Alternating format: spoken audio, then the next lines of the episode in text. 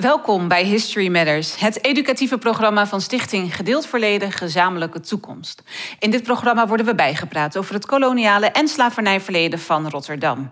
Samen met studenten van Albeda Zatkin en Hogeschool Rotterdam voel ik wetenschappers, historici, geleerden en Rotterdammers aan de tand over hoe de geschiedenis het Rotterdam van nu heeft gevormd.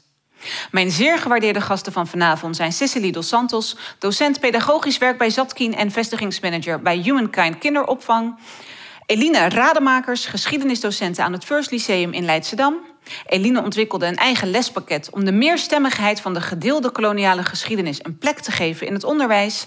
En Brianna Bute, rechtenstudent aan de Hogeschool Leiden en dit hele afgelopen jaar gastredacteur bij History Matters. We gaan het hebben over onderwijs en opvoeding en welke rol deze spelen bij de doorwerking van het koloniale en slavernijverleden. En er is theater van Mathieu Weideven. Mijn naam is Hasna El Maroudi. Laten we beginnen.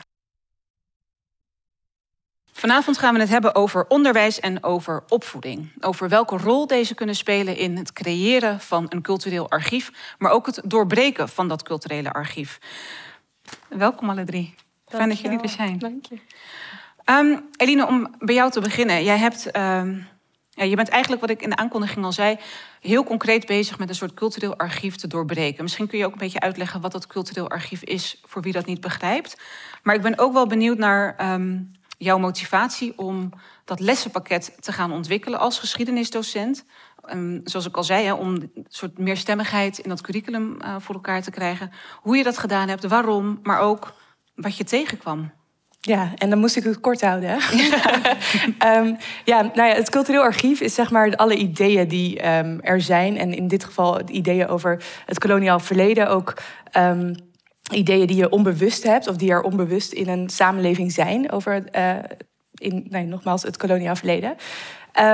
en wat ik merk, ik ben uh, docent geschiedenis op een middelbare school. En uh, daarnaast ben ik aan het promoveren aan de universiteit en doe ik onderzoek naar het koloniaal verleden.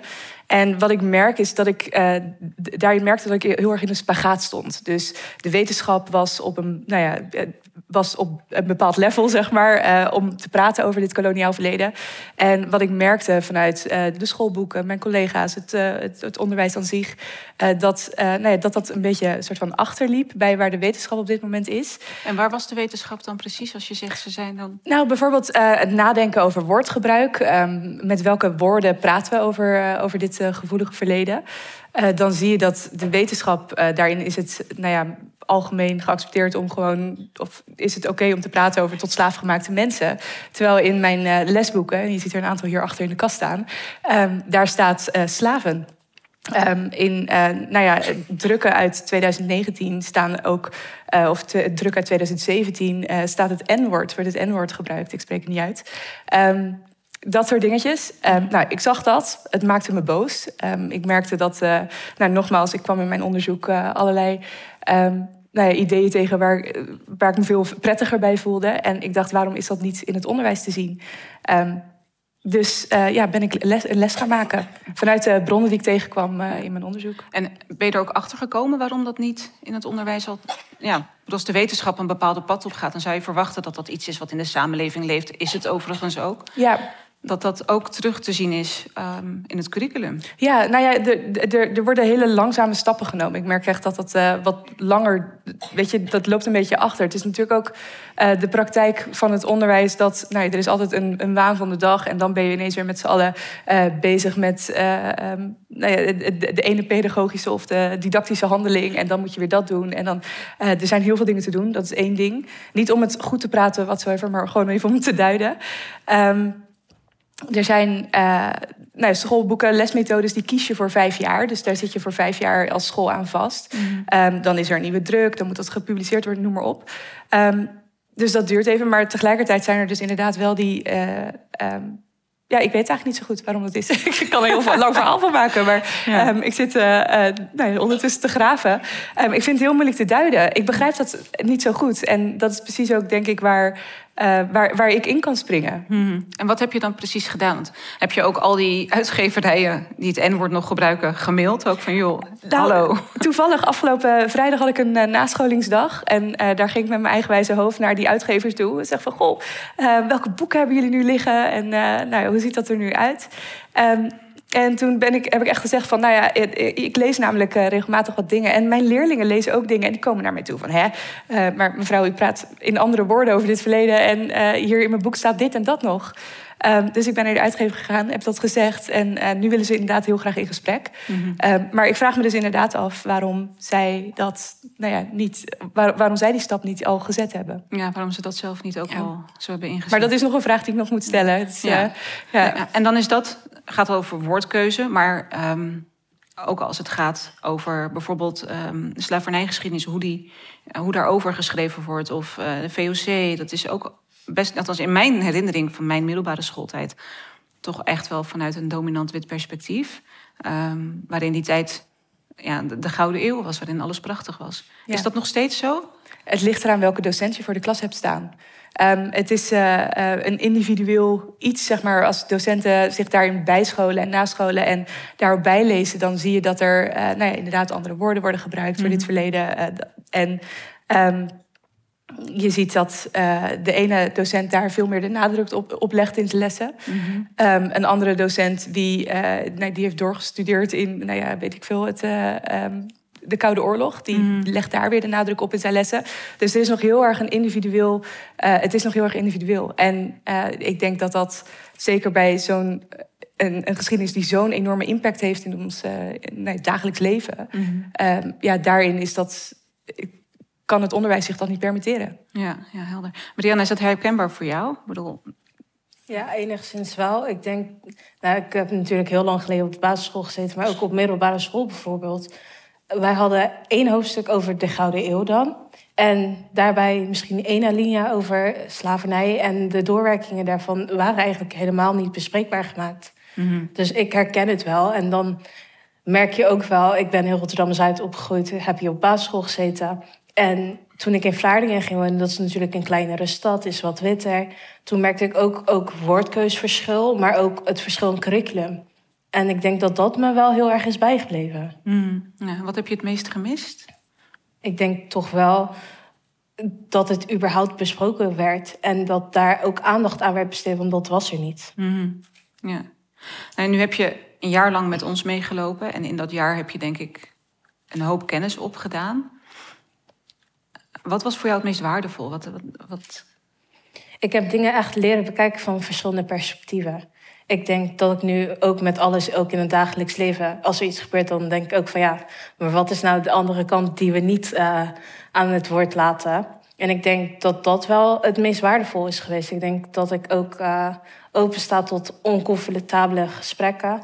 Zowel met mensen als met mezelf. Van hé, hey, waarom denk je er zo over? Of ja, misschien is het toch wel iets dat je bij kunt leren. Ja, dat eigenlijk. Het is zo mooi. Kritisch dus, gewoon. Ja. Ja, altijd ook naar jezelf. Mhm. Ja, mooi. Um, het afgelopen jaar hebben we in dit hele programma heel vaak het woord onderwijs uh, gehoord. Um, maar ook goed, laten we eerlijk zijn, dat is niet alleen het afgelopen jaar in dit programma, maar dat is natuurlijk maatschappijbreed. Wanneer we het hebben over uh, het slavernijgeschiedenis of de koloniale geschiedenis, dan gaat het. En over hoe we met elkaar naar de toekomst kunnen kijken, is onderwijs een van de eerste dingen die genoemd wordt. Um, dan gaat het vaak over basisonderwijs, over middelbaar onderwijs, over hoger onderwijs. Maar wat we vaak vergeten te doen, is nadenken over wat er in die fase daarvoor plaatsvindt. Want dat culturele archief, dat ontstaat niet. Die beelden um, en die vooroordelen ontstaan niet pas op de basisschool of de middelbare school. Maar die krijg je eigenlijk al vanaf het moment dat je geboren wordt mee. Daarom hebben we jou ook uitgenodigd, Cecilie. Jij bent vestigingsmanager bij Humankind Kinderopvang en Ontwikkeling. Maar je bent ook docent uh, pedagogisch werk ja, bij Zatkien.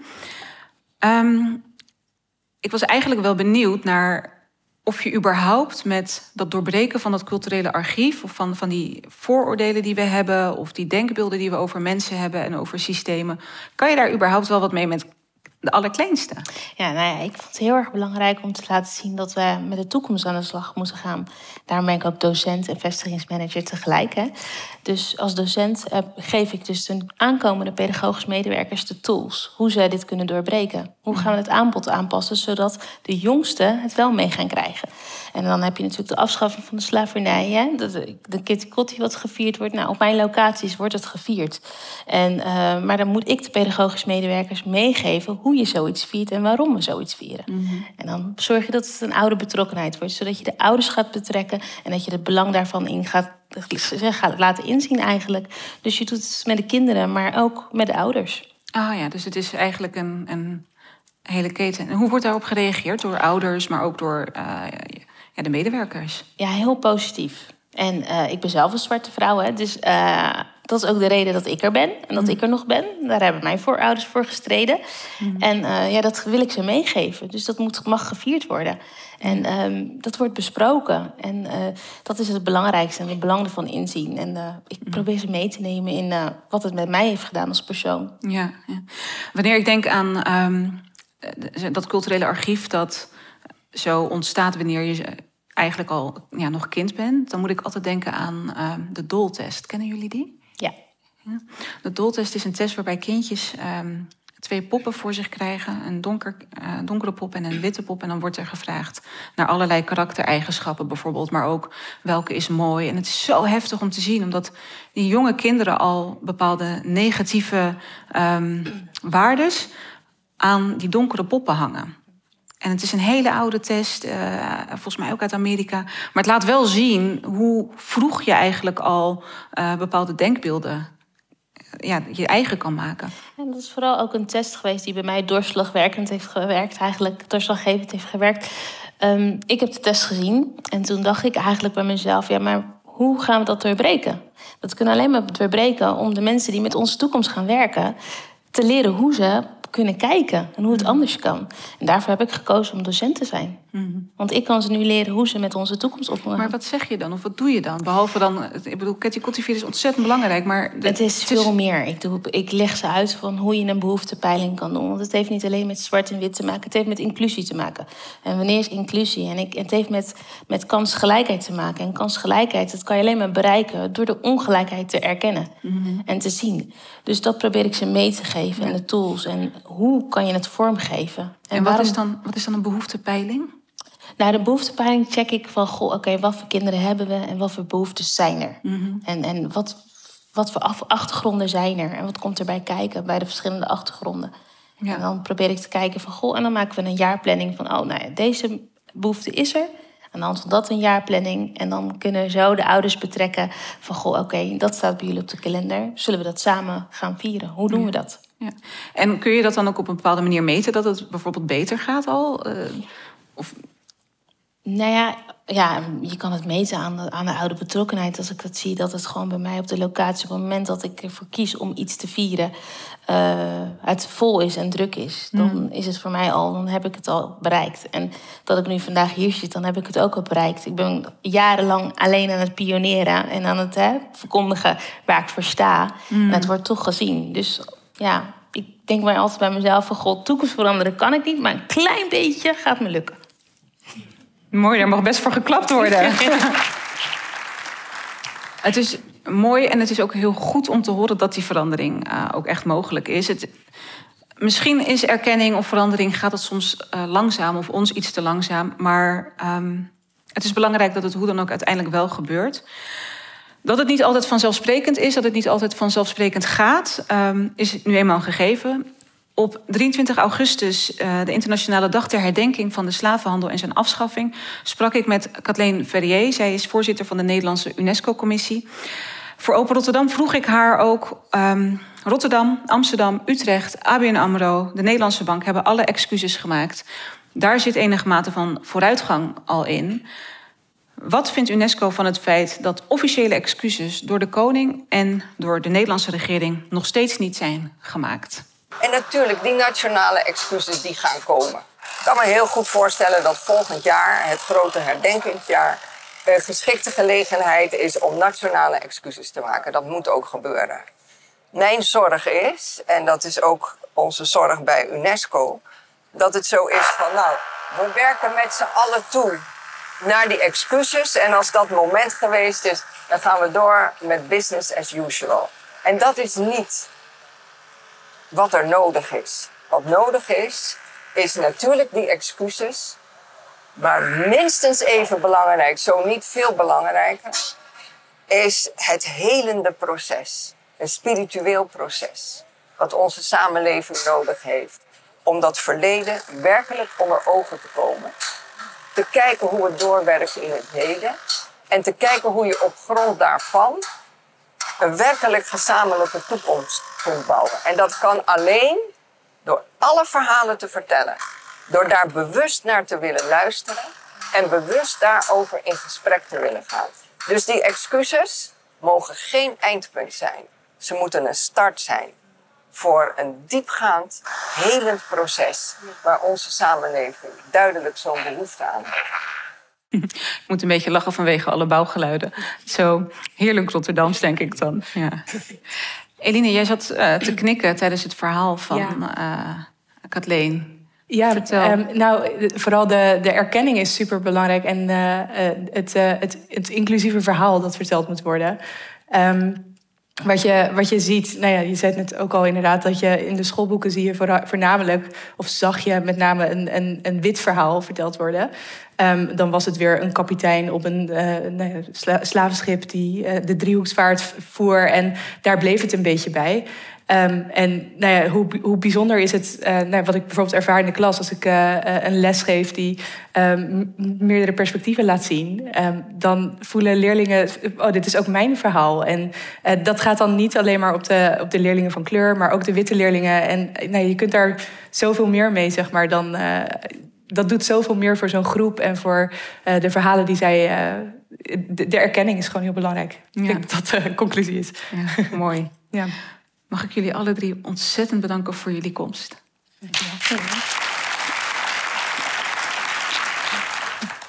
Wanneer zijn moeder een gedicht van zijn overgrootvader citeert, beslist Mathieu Weideven om uit te spitten wat hij over deze grootvader te weten kan komen.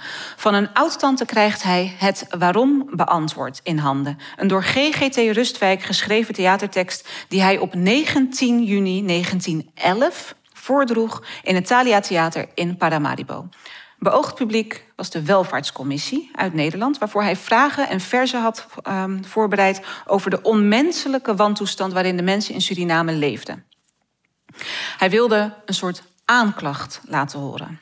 Alleen, die Welvaartscommissie, die kwam nooit opdagen. Weideven besluit zijn overgrootvader te eren door zijn theaterstuk te verwerken tot een hedendaags verhaal. U gaat kijken naar het waarom beantwoord. Hallo, ik ben Mathieu.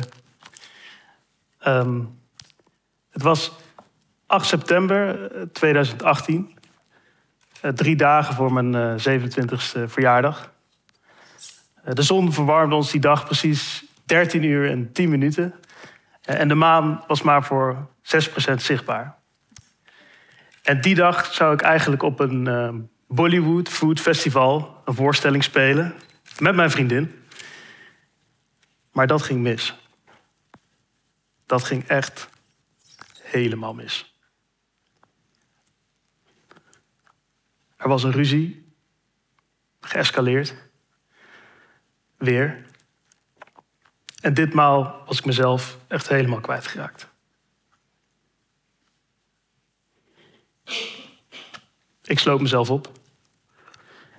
Ik heb mijn verjaardag dat jaar niet gevierd.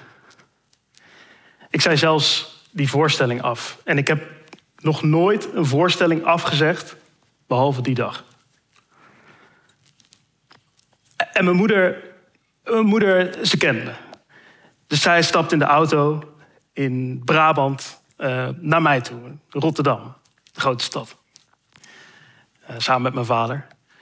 Ze komen aan bij mijn huis aan het Afrikanerplein. ze drukken op de bel. Ik doe niet open. Maar ze hebben een sleutel, dus ze komen toch gewoon binnen. Ze lopen de trap op. Uh, ze doen de deur open naar mijn woonkamer. Op tafel staat een ontbijt waar ik al de hele ochtend geen hap van heb genomen. De gordijnen zijn dicht en ik lig op de bank. Ik wist niet eens meer wie ik was. En mijn moeder, mijn moeder ze kent me. Dus zij gaat voor me staan en ze zegt... Jongen, weet je wat jij nodig hebt? Een Happy Meal. Dus ze zet hem in de auto naar de McDonald's. Uh, Zo'n ste dieselslurpende, stevige Hyundai Tucson. Mijn moeder zit aan het stuur, mijn vader ernaast en ik zit achter op de bank. Het is buiten is een of andere hoosbui bezig en is die fucking lelijke, lelijke snelweg.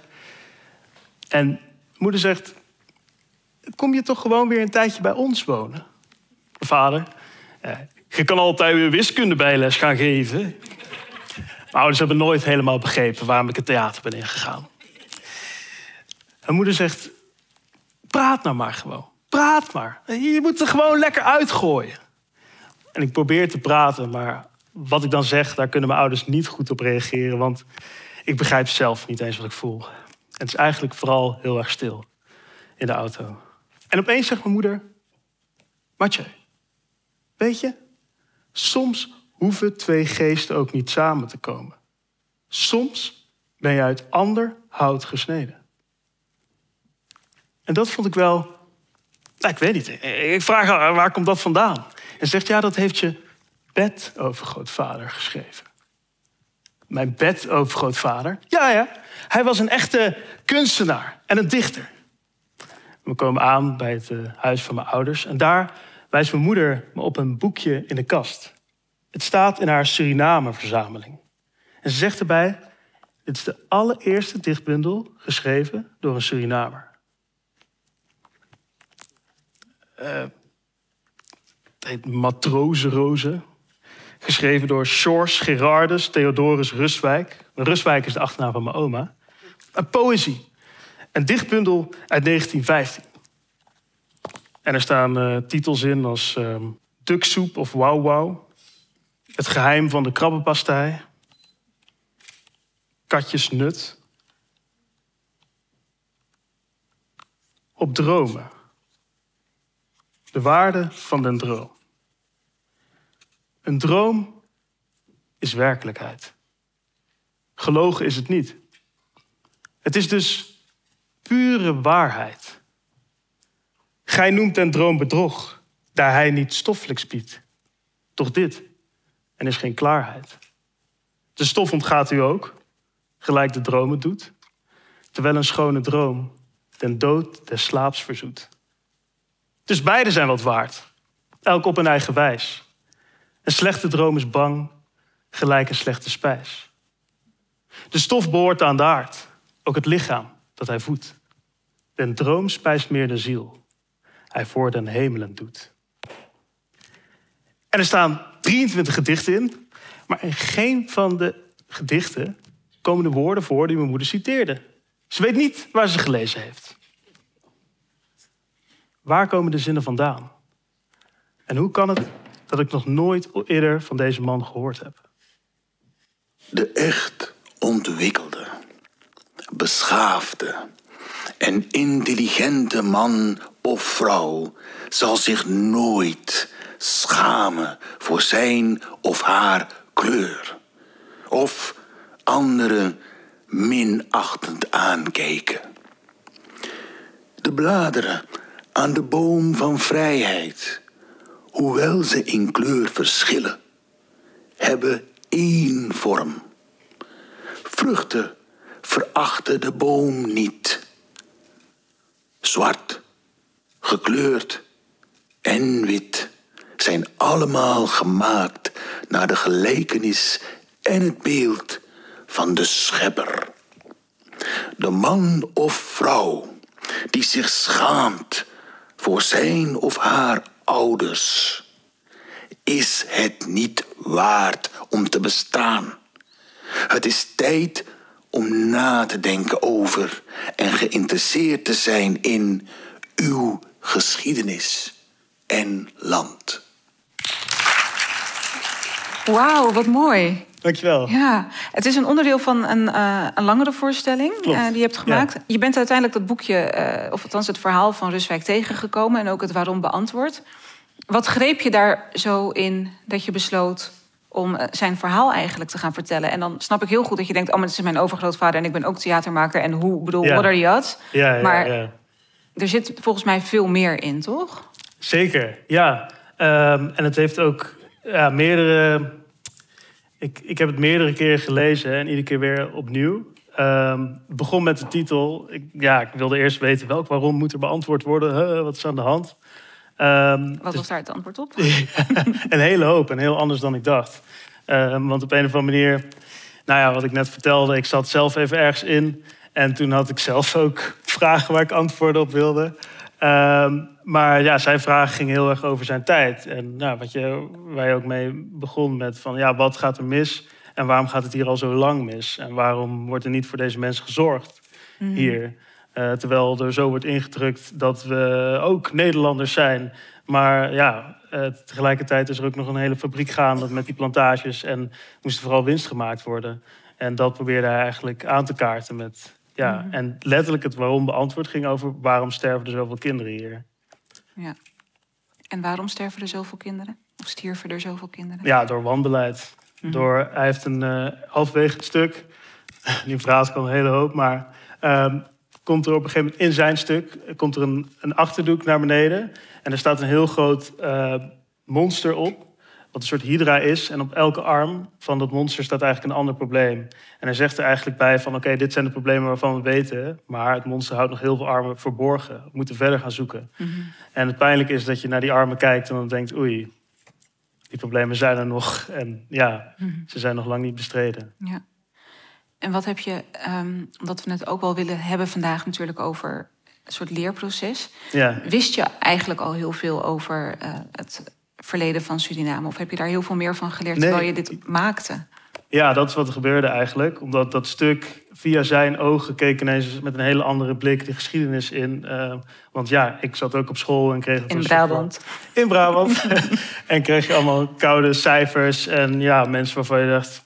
Ja, ik heb er niet zoveel mee. En nu was ineens zo'n warm figuur daar, die daar midden in die geschiedenis stond... en waarvan ik alles wilde weten. En precies wilde weten hoe, wat, wat ik maar te weten kon komen. Ja, Ja. mooi. En wat is je het meest bijgebleven?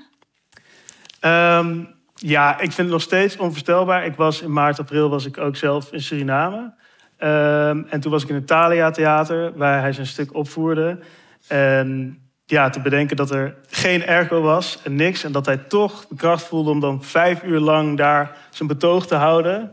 Ja, dat, Voor dat, een welvaartscommissie die ja, er niet dat- was. dat, dat, ja, ook al weet ik, ik heb de feiten. Ik geloof, ik, het is nog steeds een sprookje. Eh, dus dat, ja, dat blijft mysterieus. Wauw, mooi. Mag ik je heel erg bedanken voor je komst vandaag en voor je voordracht. Dames en heren, Mathieu Weideven. En hiermee zijn we aan het einde gekomen van deze aflevering. Mariana Bute, Eline Rademakers en Cicely Dos Santos, ontzettend bedankt voor jullie komst uiteraard. En Mathieu Weideven, bedankt voor je prachtige voorstelling. Mijn naam is Hasna Almaroudi. Graag tot de volgende keer.